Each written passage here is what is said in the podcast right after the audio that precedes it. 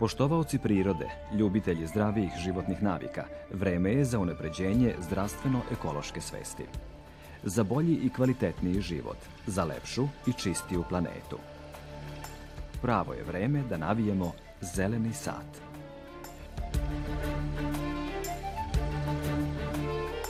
U središtu ove priče je čovek koji, razvijajući svoj mikrokosmos na duhovnom, mentalnom, emotivnom i fizičkom planu, može biti bolji sebi, svojim bližnjima, svom neposrednom okruženju, kosmosu. Priroda i kosmos dobro pamte sve što čovek čini. U ovoj emisiji gledat ćete Empatija znači da mi možemo da razumemo tuđe osjećanja i kada se neko raduje, da mi doživimo njegovu radost. Ali možda je najvažnije kada neko pati, kada doživljava bol. Nije samo plod koristan, koristi se i mlado lišće, takođe i zelena opna oraha, obiluje jodom, pa se isto tako koristi uh, kao dodatak nekim likerima ili u ishrani. Okay. Sad su sarmice gotove, umotane. Prelićemo ih vodom i skuvati sat vremena. Znači, od kad počne da ključa, jedno sat vremena bi trebalo da vri.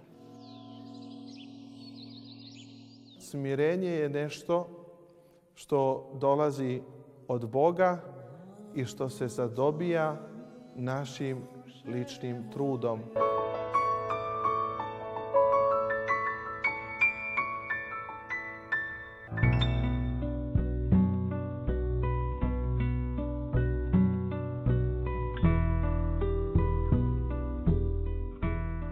Danas je divan sunčan dan i odličan dan da govorimo o jednoj vrlo značajnoj temi, a to je tema empatije.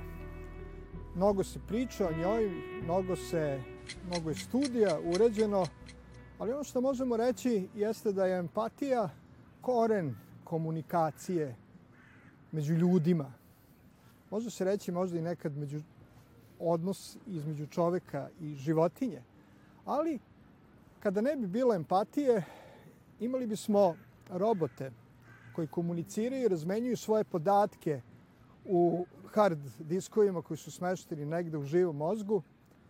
Međutim, ono što nas razlikuje za sada od robota, dok ne budu napravili nekakvog terminatora sa programiranom empatijom, jeste da je empatija temelj čovekovog odnosa sa drugom ličnošću. Šta to znači? To znači da kada mi komuniciramo sa drugima, a, što više emocija registrujemo i što više emocija odašiljemo, naša komunikacija će biti uspešnija i ići će u onom pravcu koji je najvažniji za čovekovo postojanje jeste stvaranje bliskosti, stvaranje bliskog odnosa, odnosa zajednice i ljubavi jer taj kompleksan međuljudski odnos čini život smisaonim.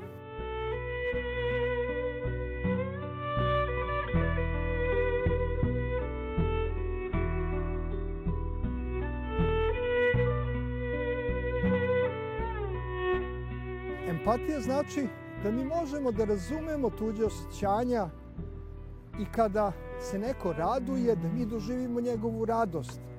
Ali možda je najvažnije kada neko pati, kada doživljava bol, kada traži pomoć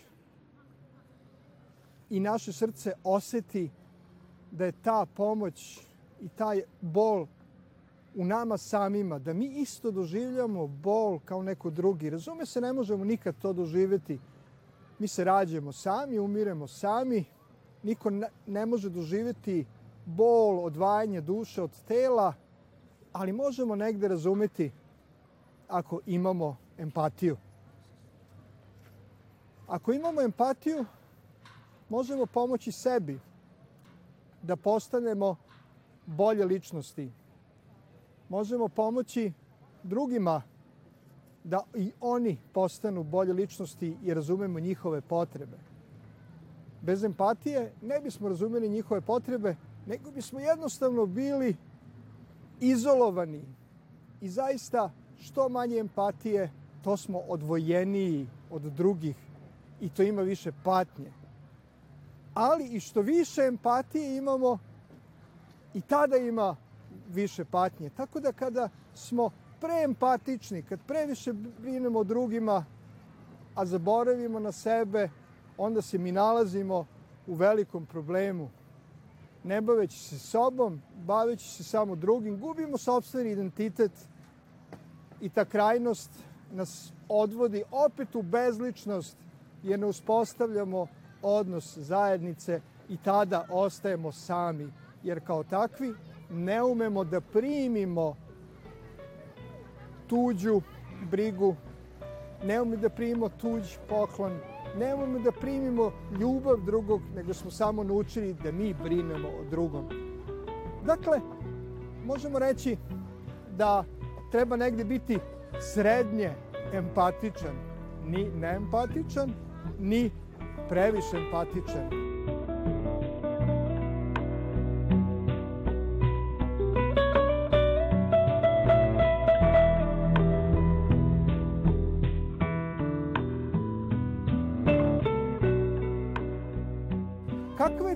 Ličnost bez empatije?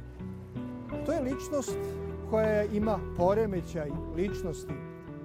To su psihopatske ličnosti, sociopatske ličnosti koji nanose bol drugima, a da pritom ne doživljavaju da je ta bol realna. Neki eksperimenti čak pokazuju da svako ko je empatičan može doći u situaciju da nanosi bol drugima. Pitalo se kako je moguć bio holokaust. Kako je moguće bilo da su mnoštvo ljudi koji su bili sa druge strane vlasti otvrdili srce i gledali kako žive ljude, uništavaju, spaljuju, kako se pretvaraju u prah. A sigurno su većina njih bili empatični. Samo je manjina onih koje je stvorilo takav monstruozan sistem bilo psihopatski nastrojene ličnosti.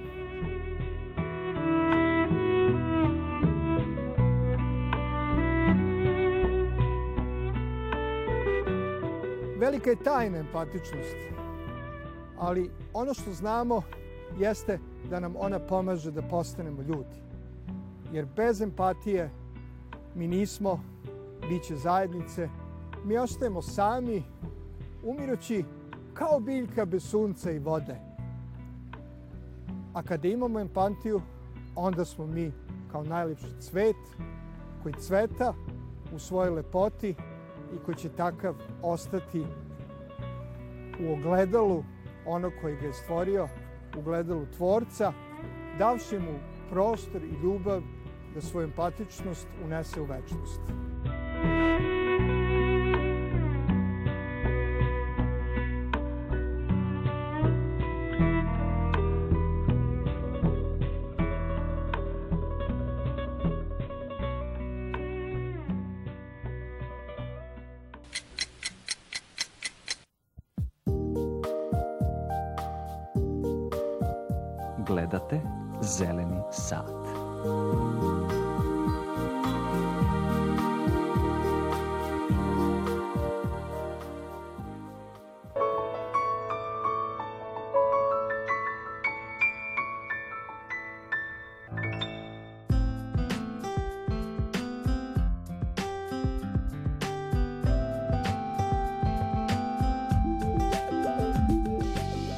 Orasi imaju izuzetno visoku kalorijsku vrednost, čak nekih 650 kalorija na 100 grama.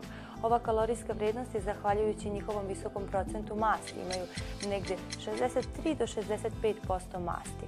Ako govorimo o kvalitetu tih masti, najviše je omega-3 masnih kiselina, vrlo korisnih masti koje pomožu u snižavanju lošeg LDL holesterola, odnosno poboljšavanju dobrog. Tako da su samim tim orasi izuzetan izvor ako govorimo o nekom kvalitetnom visokokaloričkom obrazu.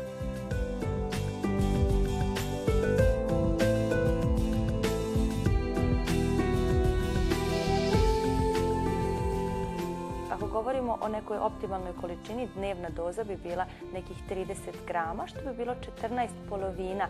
U tih 30 grama ćete potrošiti 200 kalorija, ali svom organizmu obezbediti optimalnu količinu omega-3 masnih kiselina.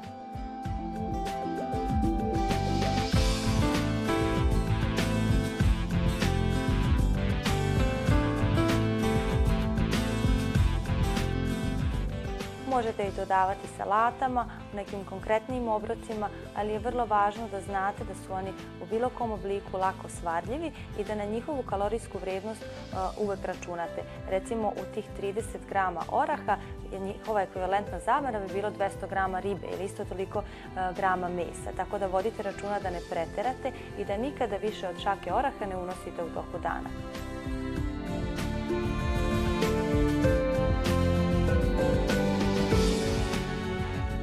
Pored ovoga što smo pomenuli, u orasima ima i vitamina E, takođe obiluju i svim B vitaminima. Nije samo plod koristan, koristi se i mlado lišće, takođe i zelena opna oraha, obiluje jodom, pa se isto tako koristi kao dodatak nekim likerima ili u ishrani. Takođe je korisno i ulje orahovo, ali njega ako koristite nemojte na njemu pržiti, već dodajte sveže salatama jer je tako najbolje iskoristivo.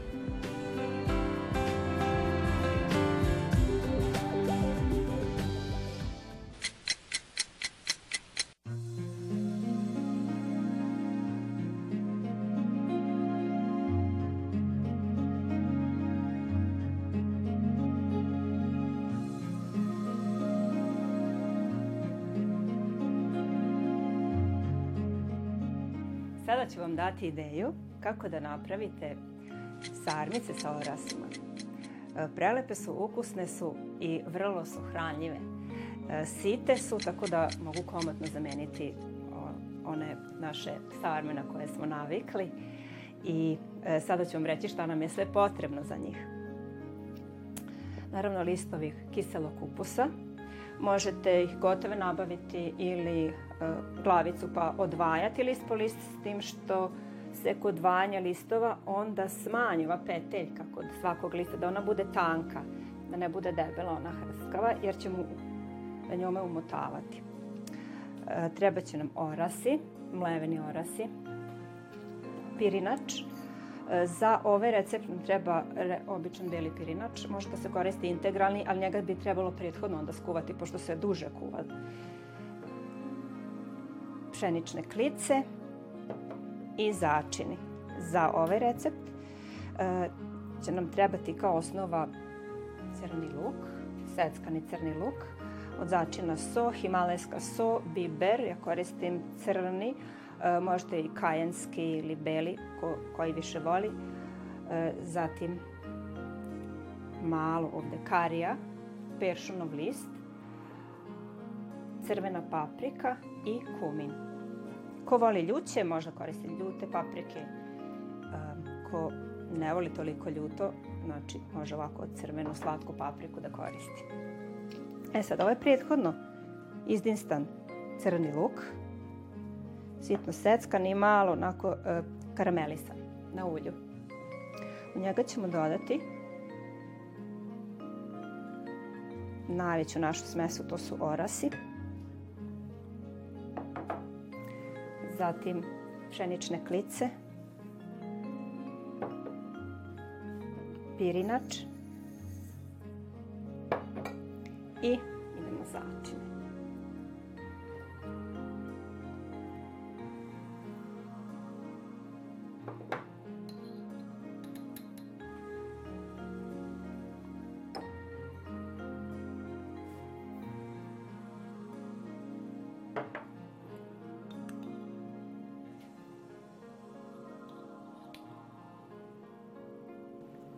Malo komina.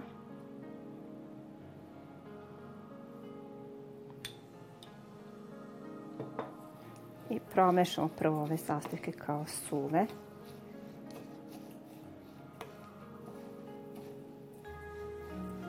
I dodamo malo vode.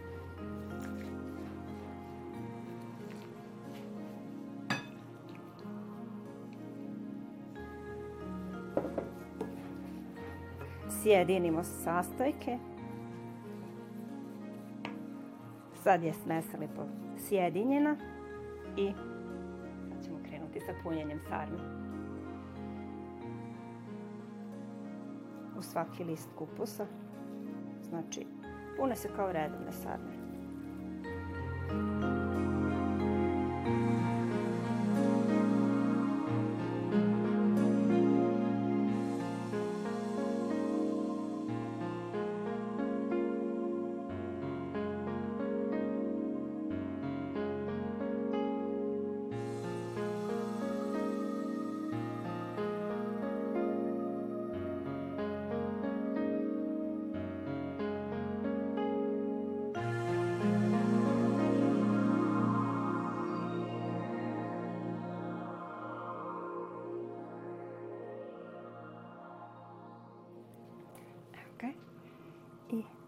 Sad su sarmice gotove, umotane.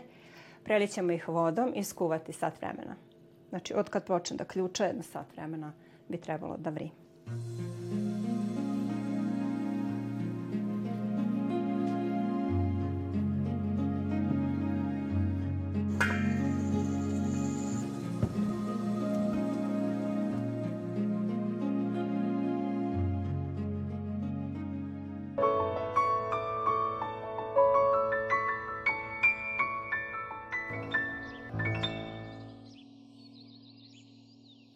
Jedna od najvažnijih hrišćanskih vrlina koja treba da krasi svakoga čoveka hrišćanina jeste smirenje. Postoje mnoge definicije koje samo pokušavaju da definišu ovo stanje duše, ovo stanje čoveka, ali u stvari smirenje je nešto što dolazi od Boga i što se zadobija našim ličnim trudom. Čovek već kada sazna, to jest kada kaže za sebe da je smiren, on već nije smiren, nego je gord upravo zato što se pohvalio time. Gde možemo naći najbolji i najuzvišeniji primer smirenja? Pa upravo u božanskom spasitelju, gospodu Isusu Hristu. Pa vidimo da On, Bog budući, radi nas se smirio i ponizio uzevši naše slabo i trošno telo. Bog je postao čovek. Zatim hodio je među nama ljudima, živeći u svemu podoba nama, naravno osim u grehu, propovedajući svoju ljubav, propovedajući svoj mir i darujući nam put ka spasenju. Potom čovek, budući nesmiren, nije mogao da trpi Boga među sobom i Boga koji je došao na svet, zato što je pomislio da taj Bog može mu uzeti njegovu prolaznu vlast. Tako je mislio i Pontije Pilat. I šta je učinio? Predao je bogočoveka na smrt. Ali taj isti bogočovek, gospod naš Isus Hristos, nije učinio, jer Bog je bio i Bog jeste, nije učinio nešto da bi ga ta čaša mimo išla, nego čašu stradanja je primio na sebe. Od strane ljudi bio je predan u ruke vladara tadašnjih, bio je popljuvan, bio je šamaran, bio je bijen, bio je predan na smrt, bio razapet između dva razbojnika i na taj način pokazao svoje najdublje i najkrajnije smirenje. Da bi posle samo tri dana od krsne smrti, da bi njegovo telo zasijalo iz groba svetlošću svetoga i slavnoga vaskrsenja i ta svetlost danas obasjava mnoge grobove, obasjava naše živote, obasjava našu planetu obasjava našu veru.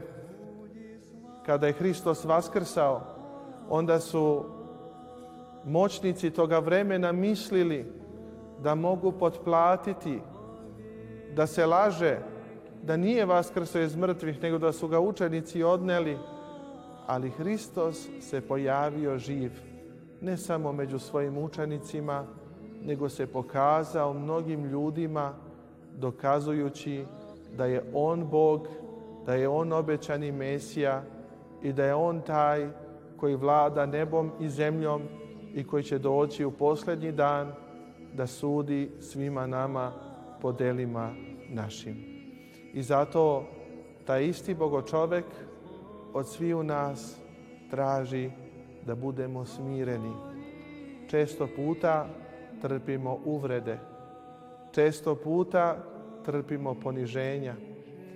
Često puta ne možemo da izdržimo kada nas neko uvredi, kada nas neko ponaizi, kada nas neko omalovaži, smatramo da smo nedostojni toga, ali Hristos u Svetome pismu kaže ako te ko udari po desnom obrazu, upravo okreni mu i levi, jer smirenjem i ćutanjem dobili smo nauk da upravo se pobeđuje sve.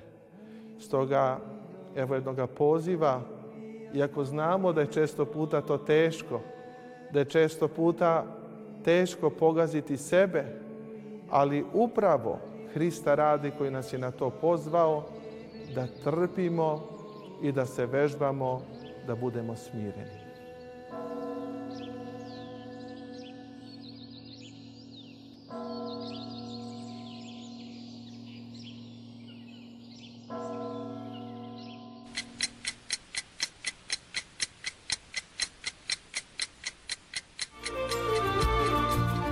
Zaboravimo da smo planetu Zemlju nasledili od predaka, a pozajmili od potomaka. Čuvajmo je živeći u skladu sa prirodom. Ne zaboravimo da su prirodnost, smirenost, iskrenost, skromnost, zahvalnost i dobrota vrline, ali ne budimo skromni u ljubavi, razumevanju, praštanju, humanosti, znanju, kreativnosti. Pokrenimo se, postanimo bolja verzija sebe – Ne zaboravimo da istinska lepota uvek dolazi iznutra i ne postoji bolja kozmetika od sreće, a sreća i radost su stanje duha, sada i ovde. I nikako ih ne bi trebalo dovoditi u vezu sa materijalnim okolnostima. Negujmo svoju autentičnost, slaveći život, ma gde bili pod kapom nebeskom. Ne zaboravimo da genetska predisponiranost, način života kao i okruženje u kojem živimo svakako utiču na naše zdravlje, Ono je bogatstvo koje po pravilu ne cenimo sve dok ne počnemo da ga gubimo. Na njega možemo uticati svojim dobrim i lošim navikama. Kako ćemo živeti, izbor je na nama. I naravno, ne zaboravimo da redovno navijamo zeleni sat.